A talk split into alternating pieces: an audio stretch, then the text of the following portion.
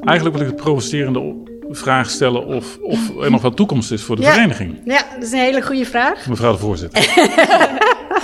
uh, het antwoord is natuurlijk uh, ja. De Nederlandse Vereniging voor Europees Recht bestaat 60 jaar. En dat vieren wij onder andere met een podcast. Jullie horen verhalen van het eerste uur. We hadden ook toen al het gevoel, zowel publiekrecht als privaatrecht hoort erbij. Als je de, de lijst van eerste leden ziet, dan is dat een, een, opsomming eh, van eigenlijk alle talenten die er in Nederland op rechtsgebied aanwezig waren. En inderdaad kijken wij vooruit en spreken wij met de nieuwe generatie.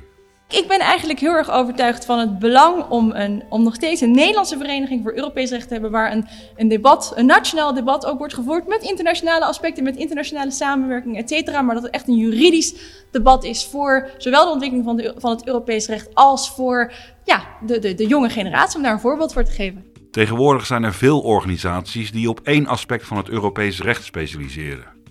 Maar dat omvat natuurlijk niet alles. Wat ze vaak onderschatten is hoe belangrijk het is om te weten hoe de wetgeving tot stand wordt gebracht in de Europese Unie, hoe je het moet interpreteren. Discussiepunten genoeg als wij terug en vooruit kijken op onze Nederlandse Vereniging voor Europees Recht. Uh, moeten we niet als vereniging een soort agenda hebben? Moeten we niet de boer op om ook uh, de boodschap van Europa en het belang daarvan aan anderen dan de juristen, eh, dat beperkte wereld waarbinnen wij dan opereren, over te brengen. Luister de podcast in je favoriete podcast-app of op onze website.